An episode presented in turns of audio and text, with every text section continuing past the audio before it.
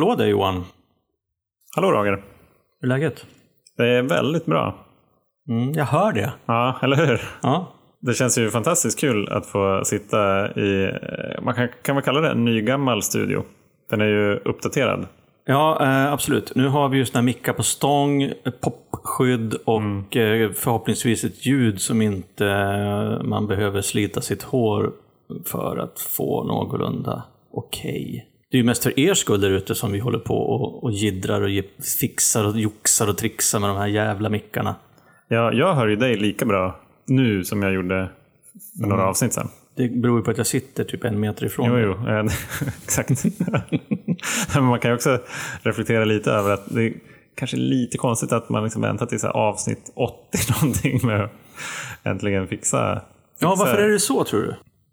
Alltså det är, det är en bra fråga faktiskt. Jag tror att, jag tror att en, en, en del av svaret det är att ah, men det är lite jobbigt. Ja, Och- men alltså vi har ju... Och jag skulle gärna vilja att, att, det, var, att det funkade bra från början. Och det har funkat bra eh, i lite olika setuper. Ja, det har du gjort. Det har varit lite upp och ner. Ja. Men det är så här att när man som eh, nykter alkoholist kommer in i en tolvstegsgemenskap och eh, ska börja jobba i tolvstegsprogrammet. Då är det många som säger, och det kanske till och med står i texten, att man inte ska vila på lagrarna. Att eh, sätta igång och jobba med en gång. Och ta tag i liksom, eh, de här stegen och se till att det blir gjort. Och varför får så många nykomlingar den Rekommendationen. rekommendationen? Men jag tänker att det, det handlar om det där fönstret. Mm. Som en villighet till att faktiskt göra någonting. Ja, precis. Och ju snabbare jag kommer igång med det. När jag väl är igång, då är det mycket lättare att fortsätta. Ja. Än om jag så skulle tappa villigheten och så här börja göra... Stegarbete det kan vara ganska tungt. Ja. Så jag måste verkligen vara villig att göra stegen för att det ska gå. Ja, och utan att göra några direkta jämförelser ska man säga att vårt mikrofonarbete har varit lite tungt också. Det fanns ett fönster, Det fanns ett fönster. vi köpte mikrofoner. Sen har de legat och typ samlat damm i ett kvartal. Det var ju ganska roligt. För att de inte skulle samla så mycket damm så köpte vi också en stor låda. Ja, så vi har inte ens sett dem. Nej. Vi har inte ens vetat att de är här. Men nu är de i alla fall eh, eh, installerade tack vare hjälp ifrån den eminenta Povel Olsson. Olsson. Som också har gjort våran jingel. Ja, tack Povel. Tack Povel. Han är fantastisk. Ja. Jag jag inser att den här lilla lådan här, eller en ganska stor låda för den behöver innehålla ganska mycket krafts som vi, som vi inte använder. Det är som en förnekelselåda. Man, liksom bara, man, man stoppar ner grejer där som man inte vill bli påmind om. Ja, du skulle, vi skulle vet- behöva göra en inventering Ja, den här exakt. lådan. Det ligger väl typ, vi har, vi har väl köpt in kanske åtta mickar sen vi började? Ja, det tror jag. Ja, vi har ju faktiskt nu testat alla. Ja. Ja, ja. ja. Vi, vi vilar inte helt på lagren, men vi Nej, det gör vi inte. pausade lite på lagren i alla fall. Men eh, nu till verket, Ja. som vi brukar säga. Idag så vill jag prata om en grej som jag snappade upp eh, faktiskt eh, under en av dina delningar på ett möte Oj. för några veckor sedan. Du pratade om eh, ja, men eh, att vara nykter. Att vissa ser det som att liksom välja den, den smala vägen. Ja, eller något liknande. Mm. Men att du nu har sett och märkt att det snarare är mer som en möjligheternas autobahn. Ja, just det. Och det tyckte jag var lite roligt. Inte minst för att det stämmer ju, även för mig. Att vara nykter ger så mycket mer än att bara vara nykter. Eh, Om du fattar vad jag menar. Och jag tänkte på det så här att man skulle kunna se den här botten, eller ögonblicket, det här fönstret, när vi bestämde oss för att göra en förändring. Eller fick hjälp att komma till en förändring som, man har det som en punkt, mitten eller någonstans på en tidslinje. Och livet före är som en kon som smalar av och smalar av och smalar av och smalar av tills man når den här, den här punkten. Mm. Därför att man får tunnelseende och man, det finns liksom ingenting annat i livet till slut än att bara försöka dricka. Ö- överleva. Ja, dricka eller överleva eller dö eller liksom. Alltså det är jävligt, jävligt trångt Ja, in, innan, man, eh, innan vi gjorde den här förändringen. Och sen efter förändringen så, så börjar en ny kon. Som då är ganska smal i början men som sen blir bredare och bredare och bredare. Ja, just det. Och Ja, eh, den fortsätter ju liksom att vidgas därför att eh, vi får ett nytt liv. Och i början i nykterheten så är det li- livet ganska smalt också. Ja, det kan kännas som det i alla fall. Det är, det är en hel del grejer som, som man måste, eller måste, men som i vart fall jag var tvungen att ställa om. Nya rutiner till exempel, kan, det kan kännas lite skavigt. Så här, "Ah, ska jag göra det här? Det är jag inte alls van med att göra. Skriva, skriva dagbok till exempel, eller göra tacksamhetslistor, eller så här, ringa personer som jag har träffat på möten för att helt enkelt skaffa, skaffa mig en gemenskap. Det, var, det kändes som, eh, ah, va- varför ska jag göra det här? Men efter ett tag, när de där nya rutinerna har satt sig och jag ser, jag ser effekterna av det, då, då är inte det skavigt längre. Nej, men sen, det är också så här tycker jag att om om man backar ännu längre närmare den här brytpunkten eller vändpunkten så är det också så här att då handlar det ju väldigt mycket, eller handlade väldigt mycket för mig om att bara vara nykter en dag i taget. Ja. Och då i början så, så är ju fokus väldigt mycket på, på bara det. Och sen så tack vare programmet så, så får jag lite andra grejer att tänka på men, men som är, jävligt, kan kännas jävligt konstiga i början. Det, du, det du är inne på, så dagliga rutiner och skriva tacksamhetslistor och kanske framförallt vända sig till andra människor. Prata med nyktra alkoholister och, och sträcka ut en hand och fråga om man kan göra någonting för att hjälpa till och sådana saker. Det är jävligt underligt i början. Ja, men det är väldigt ovant ju. Och jag tänker att men det, är, det är ganska bra bild med den där, den där inåtvända konen som, som sen blir liksom en utåtvänd kon när man når den här punkten. Förhoppningsvis så når, så når jag bara den en gång. Ja, Jag hoppas det. Och att det där, när jag har tagit det första steget från den där punkten, då är det ju verkligen fokus på att så här, vad fan är det egentligen att vara nykter? Hur ska det här gå till? Vad har jag gjort? Ungefär. ja. Och det finns ju mycket rädslor kopplat till det där. Jag tror det har kommit upp i flera poddavsnitt. Hur kommer livet att se ut? Kommer det vara som en grå filt över hela tillvaron? Eller liksom, vad är det här för någonting? Och det är ju någon form av utforskande, osäkert, lite stapplande. För, för mig var det så, säkert för många andra också. Och jag tänker framför allt, jag ville liksom komma, komma så långt bort som möjligt från allt det här som hade känts dåligt. Så här, precis så som det känns innan jag slår i botten. Innan jag når den punkten. Dit vill jag ju aldrig tillbaka. Nej. Och när jag är tidigt i nykterheten, då är jag ganska nära det. ja man är jävligt eh, liksom naken och rå Ja, så i början. Och det är, både, det är på något vis både positivt och negativt. För, liksom för, för mig och för dig som har ännu fler år så är du ganska långt bort från den punkten. Så att det kan också vara lätt att, att glömma bort hur det var. Och det, det är på något vis en, en balansakt, tycker jag. Dels att komma ihåg hur det var för att veta om att dit är inget, ingenstans som jag vill tillbaka till. Jag vill vara framåtriktad. Liksom för att kunna vara det så måste jag komma ihåg hur det var. Det är jävligt spännande att du, att du tar upp det där att, att just eh, komma ihåg hur det var precis innan det där fönstret öppnades.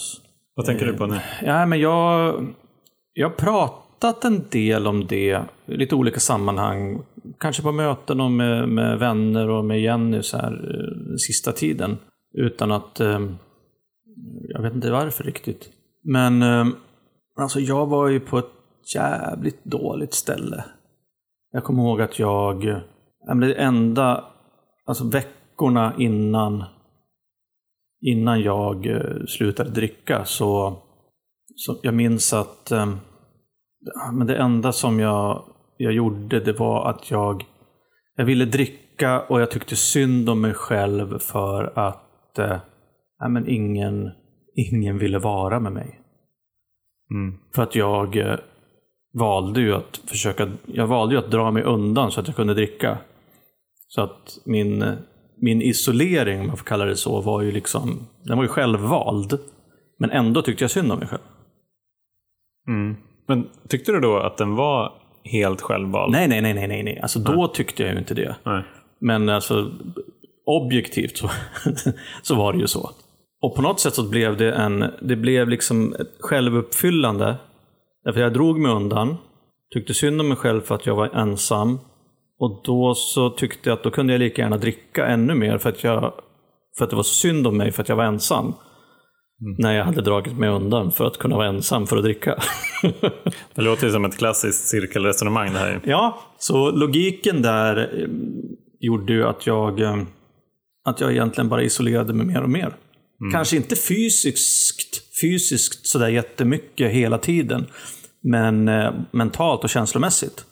Jag kunde gå runt hemma och på jobbet och känna mig jävligt ensam för att jag för att jag någonstans i, i mitt huvud hade redan liksom isolerat mig. Jag var liksom någon annanstans. Jag var, jag var med mina små souverinflaskor med vodka i bilen eller ute i skogen.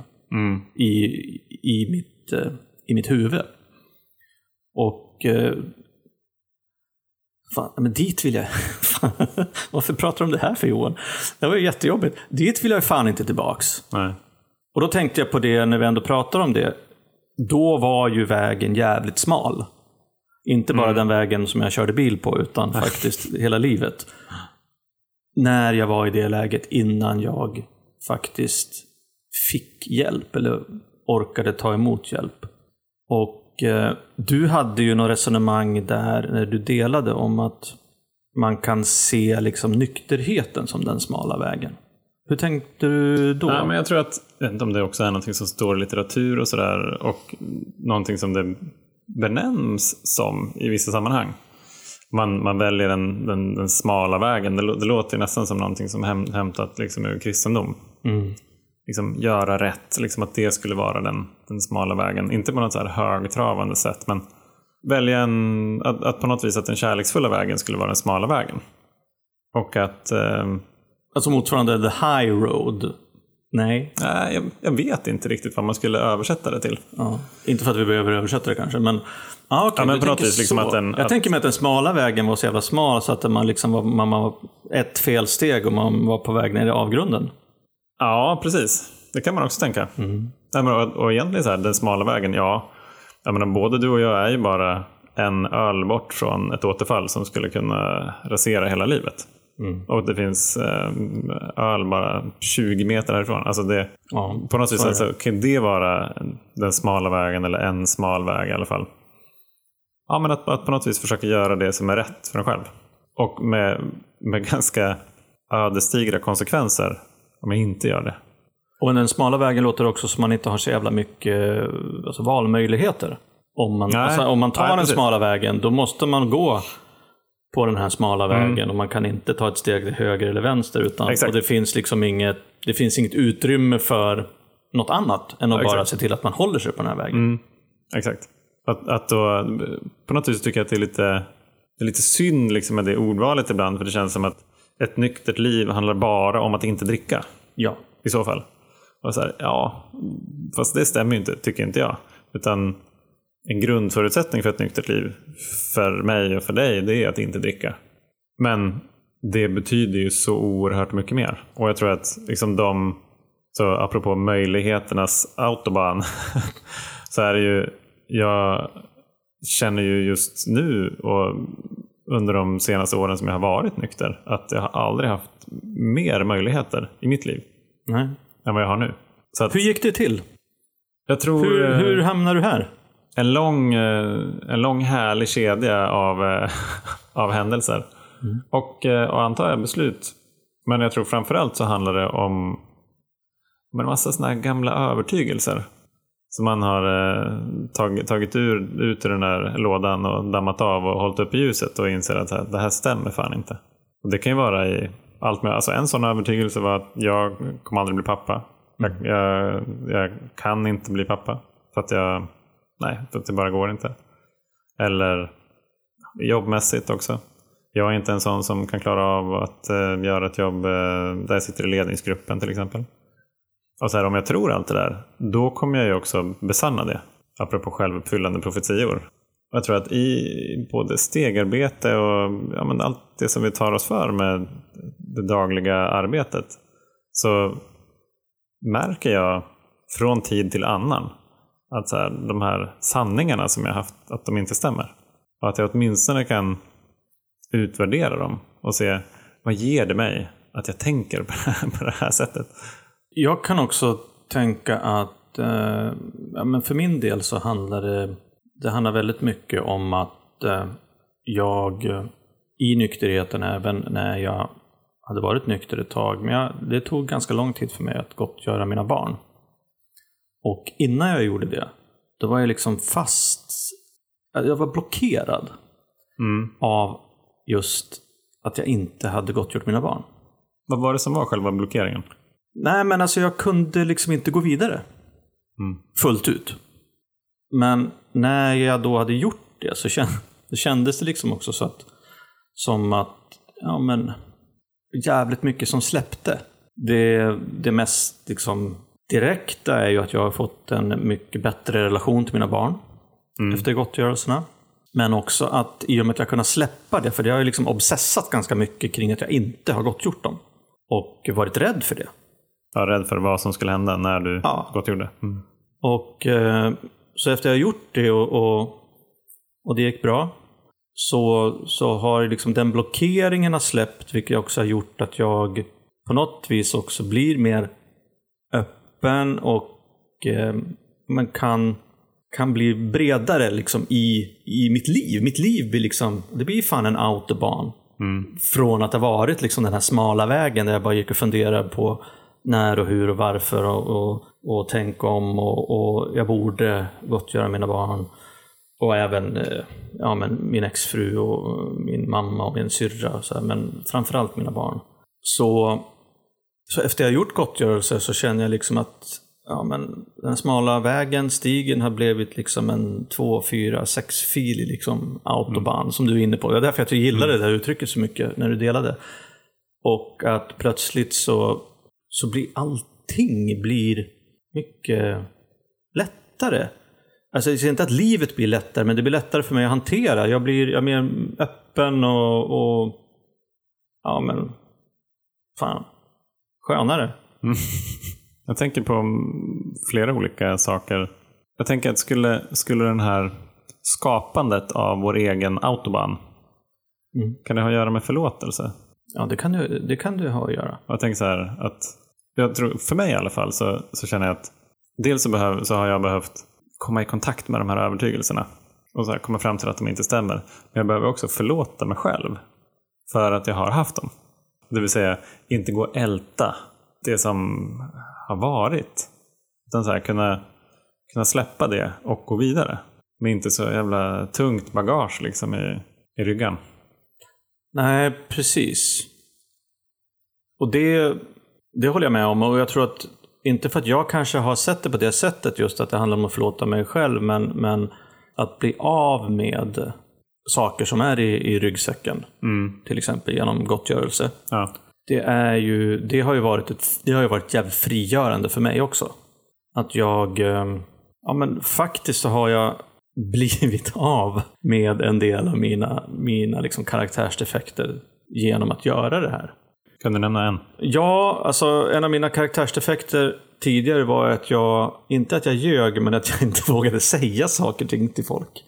Till exempel mina barn eller Jenny, därför att jag var så jävla rädd för att vad de skulle tycka och spelade upp liksom fyra, fem, tio scenarios för vad som skulle kunna hända om jag sa den här saken.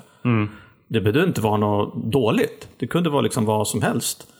Så att ehm, just det där nu att jag kanske ibland är lite för noggrann att, att prata, alltså berätta om saker som jag ska göra eller har tänkt eller har sagt eller vill säga så här, liksom för, att, för att jag är så ja, men lite mer gränslös när det gäller sådana saker nu för tiden. Och det tycker jag är jävligt skönt. Det betyder också att jag är mer ärlig, både med mig själv och mot mina medmänniskor.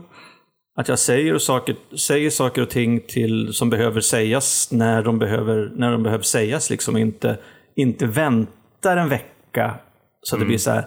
Ja just ja, du, det hade kommit upp en grej här förra veckan som jag inte... Det har, jag- jag, har väl, jag har väl berättat det här för dig va? Ja, just.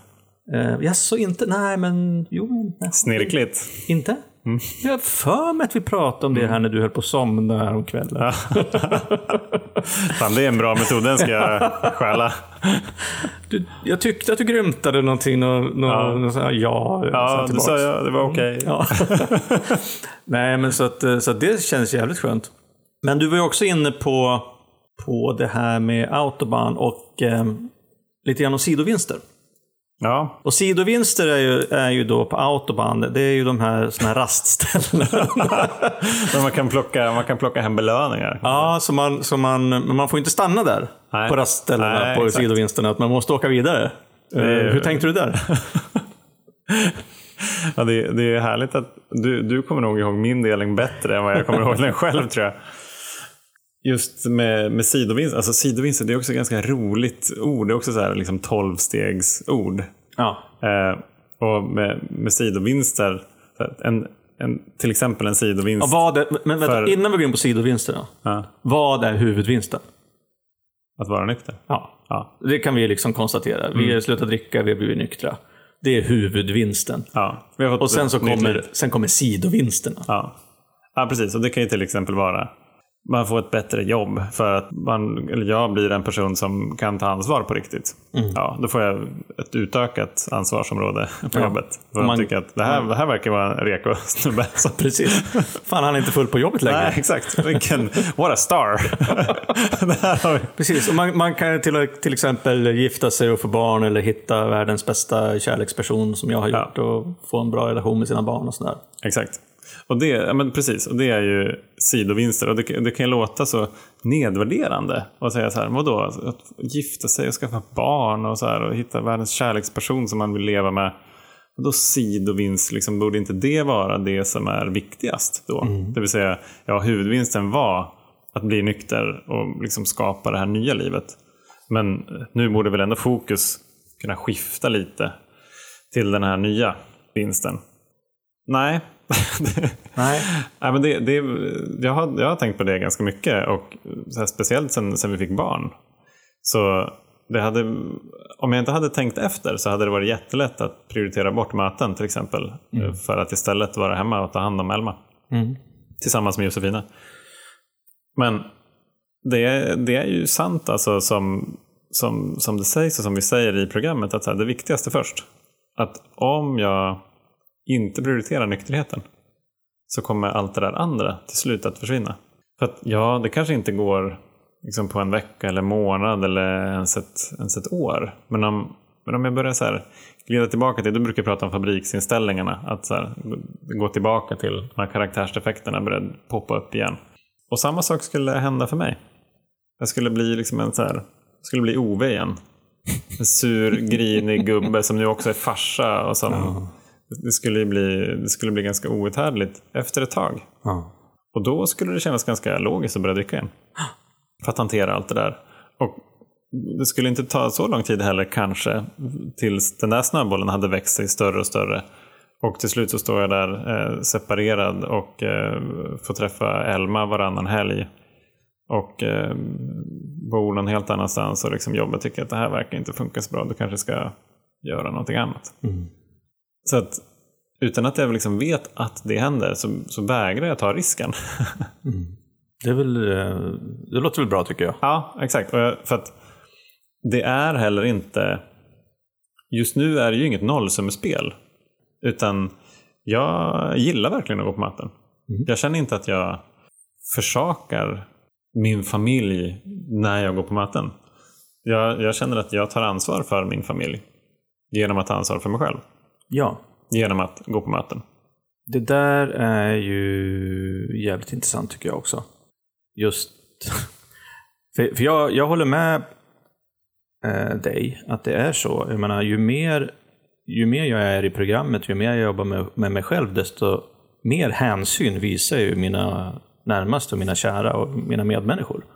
Ja, Så att, så att just det där att istället för att, att flytta fokus från det viktigaste först till, till det näst viktigaste först, är en jävligt dum ekvation liksom för oss alkisar. det För då, så blir, då är det snart så att kanske ingenting blir viktigt.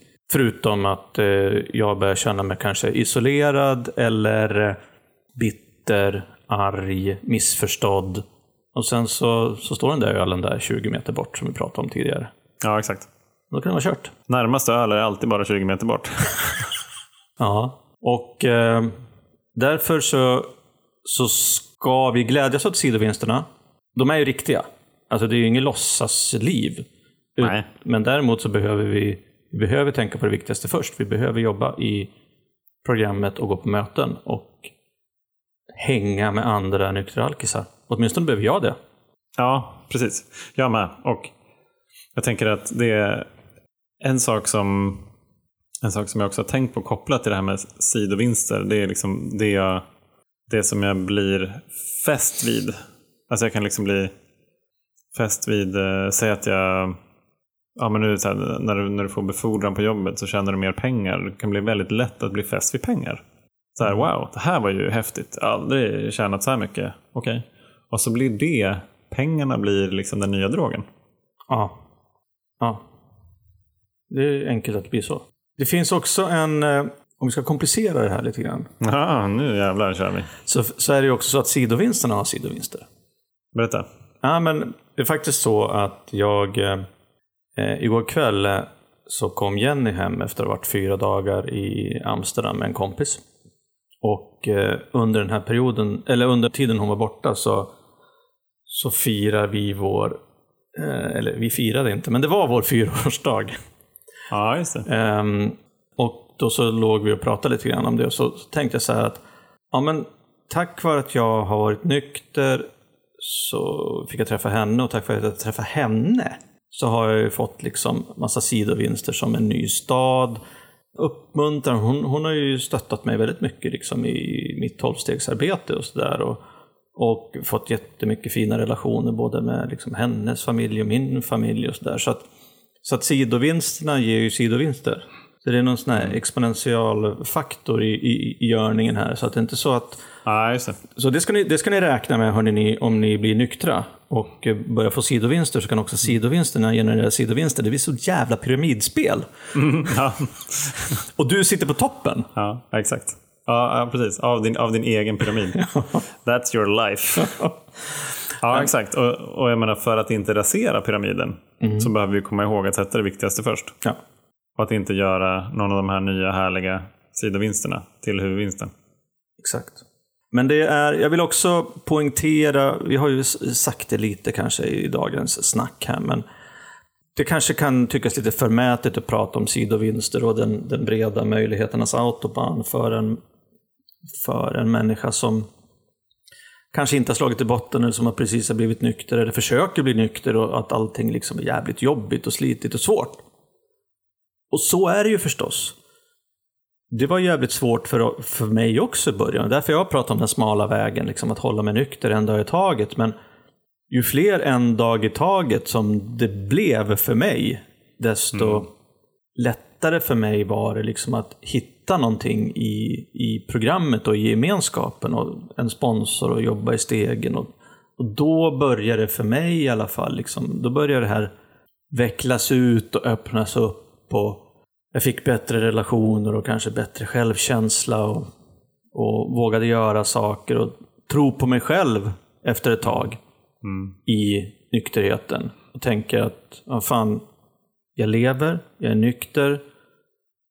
Det var inte så jävla tråkigt det här som jag trodde. Och utifrån det liksom dag för dag egentligen, en dag i taget, liksom fortsätta utvecklas. Så, för att vara lite, det är ju lite cheesy, så men då blir ju den här vägen, den blir bara bredare och bredare. Så, har- så har det varit för mig i alla fall. En sak som jag tänker på kopplat till just tid. Det är att en sak som är extremt jävla svår att köra fast forward på i livet. Det är tillit. Tillit till mig själv och andras tillit till mig. Det är sant. Och beroende på hur mycket jag har strulat till det så kommer det där ta olika lång tid att bygga upp den här tilliten igen. Att även fast jag vet att så här, jag har gjort alla de här förändringarna. Men de som har varit nära eller runt omkring, de är ganska nära hur det var förut. Så att de behöver också få möjlighet att fylla på sin erfarenhetsbank med hur du är idag. Och det, Viktigt. tar, det tar tid. Ja, jävligt viktigt. Bra Mm. poäng. Mycket bra poäng. Men jag menar med, med varje sånt liksom, möte där man kan visa i handling liksom, vem man är och inte, inte bara prata om vad man har gjort och hur man är idag. Liksom det, det adderar ju. Och till slut så finns de där kärleksfulla relationerna där. Som man verkligen, verkligen värdesätter och inte skulle vilja rasera för allt i världen. Det kan ju också vara så faktiskt att ibland så kan det vara så att vissa, flera, en eller flera filer på möjligheternas autobahn kanske är avstängda för, för vägarbete. Tänker du på något speciellt? Nej, men säga så här, det, är, det är också så, det är viktigt att betona att vi sitter och pratar om möjlighet, möjligheternas auto, autobahn, fri fart, eh, superlyckliga, allting går jättebra. Men ibland, det är klart att livet är livet. Liksom. Ja, det händer ju, kan ju hända pissiga saker i livet. Ja. Men finns det någonting som du känner att du inte har möjlighet att göra sen du blev nykter? Jämfört med det du hade, kanske liksom inte mot slutet av den aktiva karriären, men så här fem år innan du slog i botten? Nej, egentligen inte. Alltså, ja, jag, jag har ju inte möjlighet att bli skitfull och Nej. bli galen liksom, och gränslös. Men... eh, Eller galen och gränslös kan du ändå bli. Ja, jo, det är helt riktigt. Det kan jag ju faktiskt. Och eh, det gäller ju bara att hitta dit på något sätt. Så att, ehm, Om man nu är vill dit. ja, om man nu vill dit. Så att egentligen så är det väl, det är väl bara det. Och om jag, eh, om jag ville och eh, tyckte att det var bra för mig så, så skulle jag väl då kunna vara galen och gränslös också. Det har du ju helt rätt i. Men eh, nej, ser väl egentligen ingenting som, som jag inte kan göra. Nej. Sen kanske jag vill göra andra saker idag än jag ville när jag var aktiv. Förstås. Ja, det vill du förmodligen. Menar, jag hade nog drömmar då om att där, jag ska nog en dag bli sommelier till exempel. Jag har inte, när inte samma dröm idag. En annan sak som jag, jag tänker på, jag vet inte om vi har pratat om det. Det är just det här att eh, fenomenet att hålla dörrar öppna. Mm. Som, som ett sätt att, att så här, bibehålla framtida möjligheter. På något vis. Här, om jag en dag skulle vilja eh, sadla om och bli, eh, jag vet inte, bli civilekonom. Eller så här, jobba, med något helt, jobba med något helt annat. Civilekonom. Om vi säger sadla om kan man åtminstone säga hovslagare. Ja, ja precis. Det, det också. ja. Tidigare så, så kände jag att ja, men det är bra att ha alla dörrar öppna. Då, då behöver jag inte välja bort någonting Nej. än. Och jag tyckte att det gav jättemycket frihet när jag var aktiv. När jag sen blev nykter efter ett tag så insåg jag att jävlar vad mycket energi det tar att hålla alla de här dörrarna öppna. Ja. Så att mitt fokus ligger liksom inte på det som jag gör här och nu. Eller på det som jag vill göra liksom inom en snar framtid. Utan jag lägger ganska mycket, liksom, jag lägger ganska stor andel av min energi på att hålla möjligheter öppna på sånt som kanske skulle kunna hända om fem år. Eh, ja, eller någon annanstans. För, för min del, jag, var ju, jag hade ju väldigt svårt att vara närvarande och nöjd med, med mitt liv där det var. Utan jag tänkte att det, det kanske finns någon annan någon annanstans. Liksom, Vem vet? Men eh, det är faktiskt också en sak som jag som sidovinst, om man får säga så, som jag tycker har varit en väldigt stor skillnad för mig. Det är förmågan att vara närvarande och att uppskatta och vara lycklig där jag är just nu. Det är eh, så jävla skönt att vara närvarande. Jag, jag tänker att det är ett ganska bra kvitto på nykterhet. Ja, det tycker jag med. Och om jag inte är närvarande eller inte vill vara närvarande, då är jag nog inte så känslomässigt nykter. Jag tänkte bara säga med de här dörrarna, att jag upplevde att jag blev mycket friare och fick ännu fler liksom, möjligheter ju fler dörrar jag stängde. För att det var som att jag här, tog hem energin igen. Ja. Alltså, jag, hade, ja, jag kände mig liksom stark, närvarande, så att de möjligheterna som kom, de kunde jag välja mellan, nej, men det, här, det här verkar intressant eller det här verkar inte intressant. Istället för att vara jättemycket upp i huvudet och tänka och så här, hålla på med mina egna strategier och scenarion. Som gjorde att, jag vet inte, det var inte mycket som hände.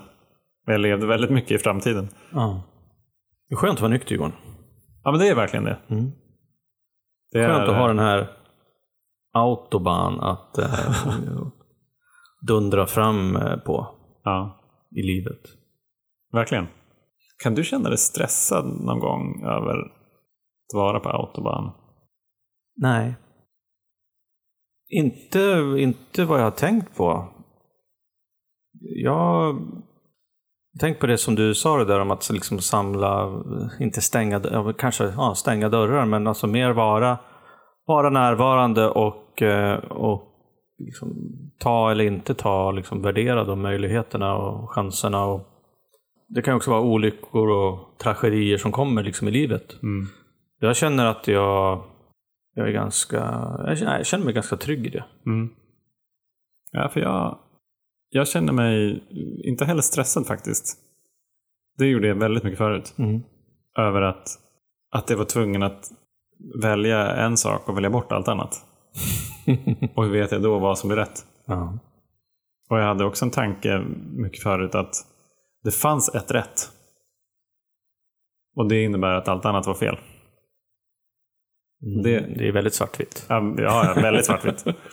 ja, men, och det stämde ju inte. Men det var typiskt en sån övertygelse. som, som ju bara är så extremt begränsande egentligen. Istället för att se, så här, se de möjligheterna som kommer som, som just möjligheter. Mm.